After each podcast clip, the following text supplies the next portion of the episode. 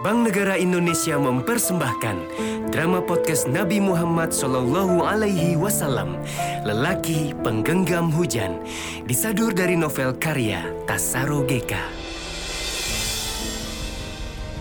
Episode ke-17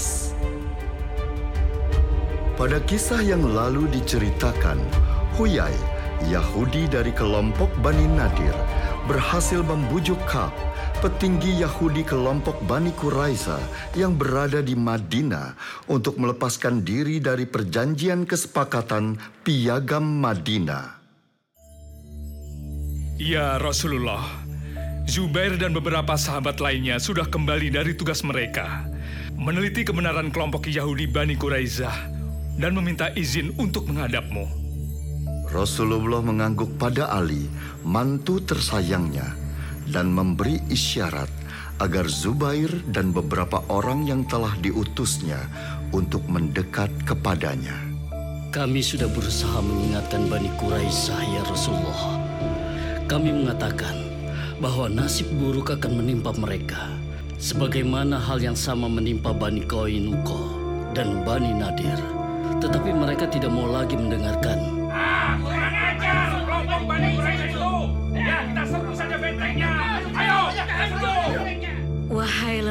Yang senyumnya menyejukkan hati, engkau berdiri dengan ekspresi yang teguh, dan engkau memberi semangat pada semua pengikutmu dengan senyum khasmu. Kemudian engkau berkata, Allahu Akbar, tegarlah wahai kaum muslimin. Ya Rasulullah, Kaab dan para petinggi Bani Quraisy sangat yakin akan kemenangan Quraisy dan sekutunya yang akan menyerbu Madinah. Wahai sang pangeran kedamaian, engkau segera memerintahkan seratus orang mundur dari pertahanan parit dan menempatkan mereka di dalam kota.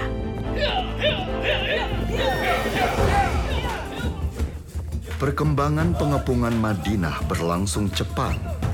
Setelah Huyai berhasil membujuk dan meyakinkan Kab petinggi Yahudi Bani Quraisy, Huyai melobi Abu Sufyan untuk mengirim seribu tentara Mekah dan seribu tentara sekutunya ke benteng Bani Quraisy. Allah Maha Mengetahui. Lewat intel-intel terbaikmu, rencana mereka dapat diketahui. Maka engkau memerintahkan ratusan pasukanmu untuk berkuda, berpatroli di jalan-jalan Madinah sambil meneriakkan takbir. Allahu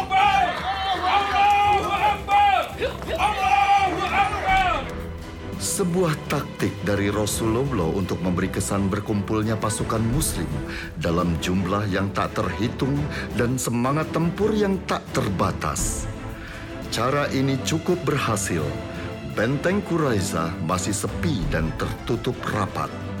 Terbayangkah olehmu, wahai lelaki mulia kekasih Tuhan yang menciptakan alam semesta? Betapa frustasinya para penyerangmu waktu itu. Ayo Amar, kita lompati bersama parit ini. Keluarkan semua kepandaianmu dalam mengendalikan kuda. Kuda tungganganku dalam kondisi yang sangat prima. Walaupun sebenarnya kurang makan, karena persediaan makan kuda-kuda kita telah menipis. Tetapi kuda tungganganku ini masih bertenaga dan sangat kuat. Lihatlah ke seberang parit sana. Penjagaan mereka mengendur. Sebagian dari mereka sedang melaksanakan ritual menyembah pada Tuhannya. Ya. Mereka menyebutnya sholat. Hmm, siapkan beberapa anak buahmu yang pandai berkuda untuk melompati parit ini. Tunggu aba-abaku. Kuhitung sampai tiga, baru kita lompati parit ini. Siap? Siap. Satu, dua, tiga.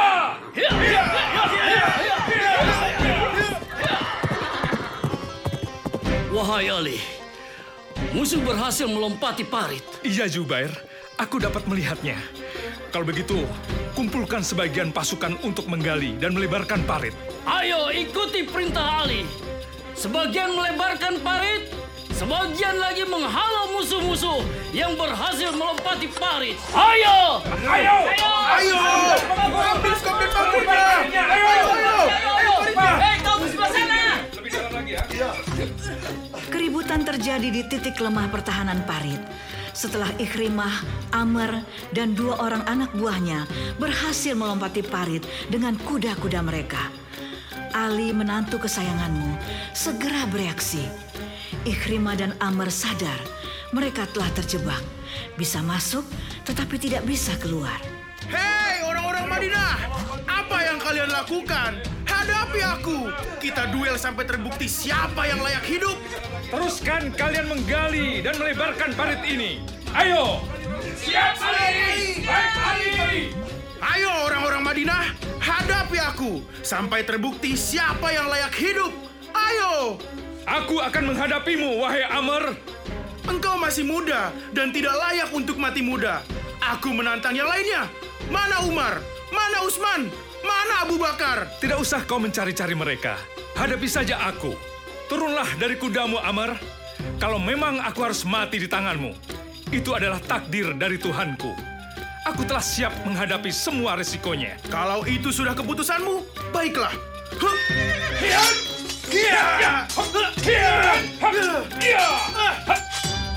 Ikrimah duduk di punggung kudanya. Dia mengamati pertarungan Amr dan Ali. Debu mengepul menutup pandangannya. Pertarungan Amr dan Ali tidak terlihat lagi dengan matanya. Allahu Akbar! Ikrimah terkejut dengan teriakan itu. Teriakan itu hanya dikeluarkan oleh orang-orang pengikut ajaran baru. Dia segera sadar nasib buruk pasti tengah menimpa Amr. Ayo, tinggalkan tempat ini bila kalian masih ingin hidup. Hiat! Hiat, hiat, hiat, hiat. Kuda yang ditunggangi Ikrimah dengan susah payah berhasil melompati parit. Sedangkan dua orang anak buahnya tidak berhasil menapakkan kaki kuda mereka ke ujung seberang parit. Mereka tergelincir masuk ke dalam parit, tewas tertindih oleh kuda tunggangan mereka sendiri.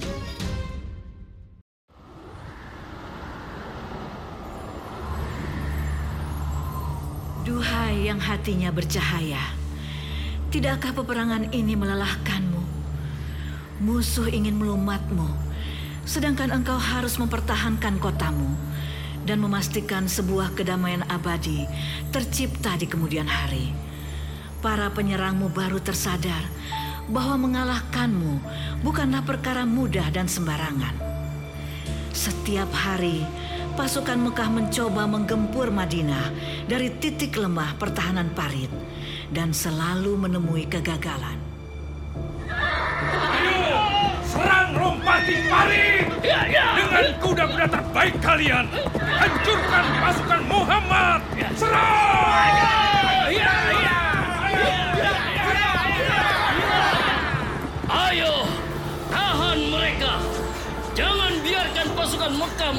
Pertahanan kita. Terus lepaskan anak panah kalian. Jangan biarkan musuh melompati parit. Pasukan tombak, hujani mereka dengan tombak-tombak kalian. Jangan biarkan seorang pun dapat menyeberangi parit ini. Allahu Akbar! Allahu Akbar! Allahu Akbar! Berhari-hari dalam kondisi yang sama, menyerang dan bertahan. Serangan psikologis membayangi dua pasukan besar itu. Tidak jelas kapan hari-hari penuh ketegangan itu akan berakhir. Rasulullah memanggil para sahabatnya, termasuk Utsman bin Affan dan Sa'ad. Utsman bin Affan segera berkata setelah dia mendapat pengarahan dari Rasulullah. Saudara-saudaraku seiman, Rasulullah telah memutuskan agar aku bisa berkompromi dengan suku Gatafan. Karena kekuatan mereka cukup menentukan sebagai sekutu pasukan yang dipimpin oleh Abu Sufyan. Suku Gatafan mau menarik pasukannya apabila diberi setengah dari hasil panen kurma Madinah. Rasulullah menawarkannya menjadi sepertiga. Jika mereka bisa dilobi untuk keluar dari persekutuannya dengan Quraisy, setidaknya jumlah penyerang yang ribuan itu bisa berkurang. Ya Rasulullah, apakah perjanjian ini perintahmu untuk kami laksanakan? Atau titah Allah yang wajib kami kerjakan? Atau engkau perintahkan ini demi nasib kami? Apa yang membuatmu seperti tengah memikirkan sesuatu yang sulit? Wahai lelaki perwira. Engkau kemudian menjawab pertanyaan saat. Hal ini kulakukan demi kepentingan kalian. Demi Allah, sebenarnya aku tidak ingin melakukannya. Namun, kulihat suku-suku Arab itu telah menyerang dari segenap penjuru dan membuat kalian menderita. Saat mendengarkan dengan seksama apa yang dikatakan junjungannya, malam itu dia datang ke kemah Rasulullah dengan badan terluka akibat panah pasukan Quraisy. Wajahnya mendongak ketika dia telah memastikan Rasulullah telah selesai berbicara. Maka dia pun melanjutkan kata-katanya kepada orang yang sangat dihormati dan diagungkannya, manusia yang menjadi panutan hidupnya. Ya Rasul, dahulu kami dan mereka sama-sama menyekutukan Allah. Sama-sama memuja berhala. Mereka tidak ingin memakan sebutir kurma dari kami, menyimpannya maupun menukarnya. Sekarang, ketika Allah telah memberikan petunjuk tentang Islam kepada kami, akankah kami berikan harta kami kepada mereka? Demi Allah, kami tidak akan memberikan apa pun kepada mereka kecuali pedang. Sampai Allah memutuskan siapa yang menang di antara kita.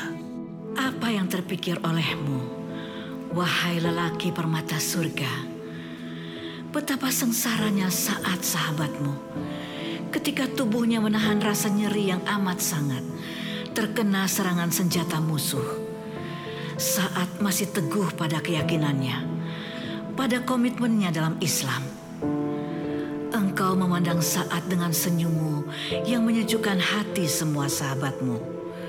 Mereka semua seakan merasakan getaran hatimu saat engkau berkata tanpa ragu pada saat laksanakanlah tekadmu.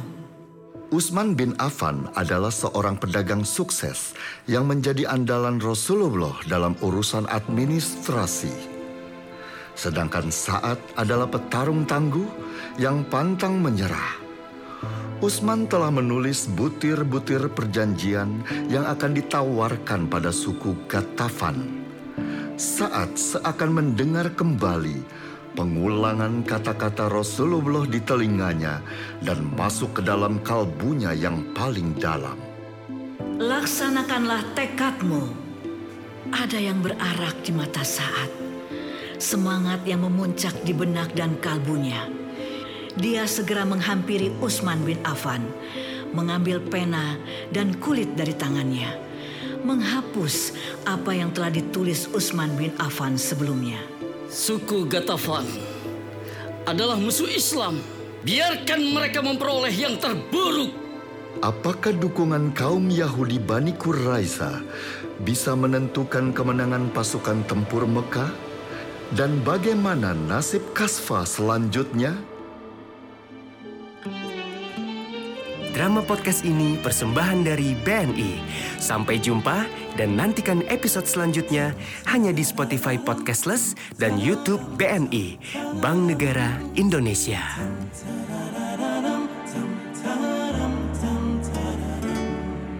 Gelisahmu